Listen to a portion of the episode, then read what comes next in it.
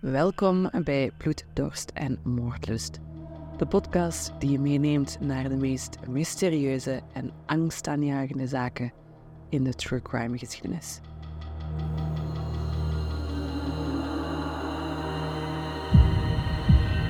Vandaag hebben we het over een reeks anonieme brieven die een klein stadje in Ohio meer dan tien jaar lang terroriseerden.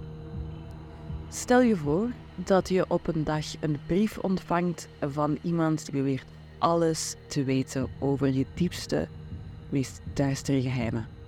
Iemand die dreigt om je leven te verwoesten als je niet doet wat hij of zij zegt. Iemand die geen genade kent en bereid is om te doden om zijn of haar doel te bereiken. Dat is precies wat er gebeurde met Mary Gillespie, een lokale buschauffeur die in 1977 een affaire had met de schooldirecteur Gordon Massey. Mary was niet de enige die zo'n brief kreeg. Honderden inwoners, bedrijven, overheidsinstanties en anderen ontvingen ook brieven van diezelfde anonieme afzender. Maar wie was die persoon en wat wilde hij of zij? Wel, het begon allemaal in de late jaren 70, toen Mary Gillespie een brief ontving die haar affaire met Gordon Massey onthulde.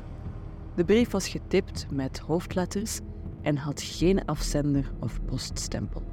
Het was duidelijk dat iemand haar in de gaten hield. Ik hou je huis in de gaten, las de anonieme brief. En ik weet dat je kinderen hebt. Blijf weg van Massey, val de brief. Mary schrok van de brief, maar besloot om hem te negeren. Ze dacht dat het misschien een grap was van iemand die haar kende. Ze vertelde niemand over de brief, zelfs niet haar man Ron. Maar dat was natuurlijk niet het einde van het verhaal. Al snel begon Ron ook brieven te ontvangen van dezelfde afzender. De brieven waren nog dreigender dan die aan Mary. Meneer Gillespie, uw vrouw heeft een affaire met Gordon Massey. Dat is een van de Circleville brieven. U moet ze samen betrappen en allebei doden. Hij verdient het niet om te leven. Ron was natuurlijk geschokt door de beschuldiging. Hij hield van zijn vrouw en hij vertrouwde haar. Hij kon zich niet voorstellen dat ze hem zou bedriegen met de schooldirecteur. Hij dacht dat iemand probeerde om hun huwelijk kapot te maken. Hij confronteerde Mary met de brieven, maar zij ontkende alles. Ze zei dat ze geen affaire had met Massey en ze had geen idee wie hen deze brief stuurde. Ze smeekte Ron om haar te geloven. En Ron, die, die wilde haar geloven, maar hij kon niet ontkennen dat er iets vreemds aan de hand was. Wie was deze persoon die zoveel wist over hun leven?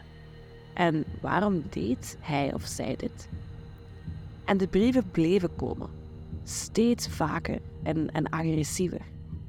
Gillespie, u heeft twee weken gehad om iets te doen en u heeft niets gedaan. Las de brief aan Ron. Geef toe dat je weet dat je vrouw een affaire heeft. Laat het het schoolbestuur weten. Zo niet, dan laat ik het uitzenden op CBS. Dan hang ik posters op. Dan huur ik borden en billboards totdat de waarheid naar buiten komt. Ron voelde zich onder druk gezet door de briefschrijver. Hij wist niet wat hij moest doen. Hij wilde zijn vrouw beschermen, maar hij wilde ook niet dat hun reputatie werd besmeurd door een leugenaar. Hij besloot dan ook om de brieven te onderzoeken. Hij probeerde om erachter te komen wie ze had geschreven en waar ze vandaan kwamen. Hij hoopte dat hij de briefschrijver kon ontmaskeren en stoppen. Maar dat was een fatale vergissing. Op een avond in augustus in 1977 ging de telefoon in het huis van de Gillespies over. Ron nam op. Een paar seconden later stormde hij naar zijn pick-up truck met een kaliber 22 revolver in de hand. Hij zei tegen zijn dochter dat hij de Circleville briefschrijver ging confronteren. Hij reed weg, maar hij kwam nooit meer terug. Rons pick-up truck gleed van de weg en ramde tegen een boom. Ron stierf ter plekke. De lokale lijkschouwer verklaarde dat Rons dood een ongeluk was. Maar Al Shore, Rons schoonbroer, beschouwde het als moord. Had Ron Gillespie voor zijn dood de persoon achter de Circleville-brieven ontmoet? De politie stelde vast dat Rons pistool precies één keer was afgevuurd voor zijn dood. Zo kwamen nooit te weten waarom Ron zijn wapen had gebruikt. Was het in een wanhopige poging om zichzelf te verdedigen? Of was het een teken van schuld of, of spijt? En wie was het aan de andere kant van de lijn toen Ron die avond opnam? Het zijn slechts enkele van de vele vragen die nog steeds onbeantwoord blijven in deze zaak. Na Ron's dood bleven de Circleville-brieven maar komen. En ze bleven Mary Gillespie en Gordon Massey belagen. Iedereen weet wat je gedaan hebt, zeiden de brieven. Als je ons niet gelooft, maak ze dan maar boos en kom er zelf achter. En de aanvallen die werden nog erger. Jaren na Ron's dood in 1983 ontsnapte Mary Gillespie ter nauwe dood aan een dodelijke valstrik. Op een dag in februari stopte Gillespie haar bus onderweg naar school. Iemand had een zelfgemaakt bord op een nabijgelegen hek geplaatst. Het bord verklaarde dat haar dochter een slet was. Gillespie probeerde het bord weg te halen, maar het was vastgebonden aan een grote doos. Ze besloot dan ook om de doos en het bord mee naar huis te nemen. Ze had namelijk niet heel veel tijd, gezien ze aan het werk was. En eens thuis besloot ze om de doos te openen. In de doos zat een geladen pistool, gericht op de persoon die het bord van de doos zou rukken. Nu, het pistool gaf de autoriteiten een doorbraak in de zaak. Het Ohio Bureau of Criminal Investigation kon het serienummer terugvinden van het wapen. En het pistool behoorde toe aan Paul Freshore, de man die getrouwd was met Paul Gillespie's zus. De vrouw van Paul Freshore, Karen Sue, bekende aan de politie dat haar man de Circleville-brieven had geschreven. Het koppel zat midden in een vechtscheiding en Karen Sue had bewijs. Zij had de brieven verstopt gevonden doorheen het hele huis.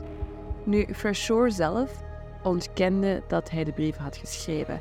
Hij beweerde dat het pistool weken eerder was gestolen. Toch verklaarde een leugendetectortest dat Freshore aan het liegen was.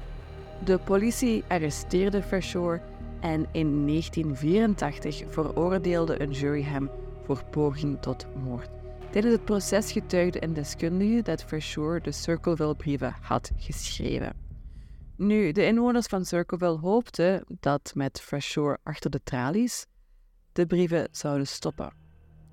Maar dat deden ze niet. Honderden brieven overspoelden Circleville na Freshore's veroordeling. De gevangenisdirecteur verklaarde dat Freshore ze onmogelijk kon hebben verstuurd. De gevangene had geen toegang tot pen of papier. Ook Paul Freshore ontving een anonieme brief van de Circleville-schrijver terwijl hij achter tralies zat. Wie had zo'n haat voor Paul om ervoor te zorgen dat hij in de cel belandde? Vroeg Freshore's advocaat in de jury tijdens het proces. En als je de documenten van de echtscheiding leest, wie profiteert er financieel van als Paul wordt veroordeeld en naar de gevangenis gaat? Toen mensen de Circleville-brieven bleven ontvangen, richtte de politie hun onderzoek op de ex-vrouw van Freshore, Karen Sue. Zij had haar man namelijk aangegeven bij de politie. Dus hadden Karen Sue en haar vriendje, die overeenkwam aan een getuigenisbeschrijving van de plaats delict van de booby trap, Paul Freshore, erin geluisterd. Tien jaar ging voorbij en het mysterie van de Circleville-brieven werd al maar groter. In december 1993 toen Unsolved Mysteries naar Circleville kwam om dit fenomeen te onderzoeken, ontving de show ook een anonieme brief. Vergeet Circleville, Ohio. Als jullie naar Ohio komen, zullen jullie El Sickers het met jullie leven betalen. Het was ondertekend met de Circleville schrijver. In gesprek met Unsolved Mysteries smeekte Paul Verschure de show om dieper in te gaan op zijn zaak. Ik zou graag willen dat iemand echt naar deze zaak kijkt. Echt naar de brieven kijkt. Heropen het onderzoek naar de brieven en kom erachter wie de brieven heeft geschreven. In 1994, hetzelfde jaar dat Verschure vrijwaardelijk werd vrijgelaten, stopte de brieven op mysterieuze wijze. Wie schreef de Circle brieven? Paul Verschure ging het graf in en zwoer dat hij de brieven niet had geschreven. Maar een recent forensisch onderzoek onthulde gelijkenissen tussen zijn handschrift en de anonieme brieven. Decennia na de laatste brieven is de identiteit van de schrijver nooit echt definitief bewezen. Het lokale kantoor van de sheriff sloot de zaak en tot op de dag van vandaag hebben we eigenlijk geen idee wie de brieven echt geschreven heeft. Nu, dat is het voor vandaag. Bedankt voor het luisteren. Vergeet zeker niet om je te abonneren op de podcast. En wie weet zie ik je volgende keer terug. Als je durft.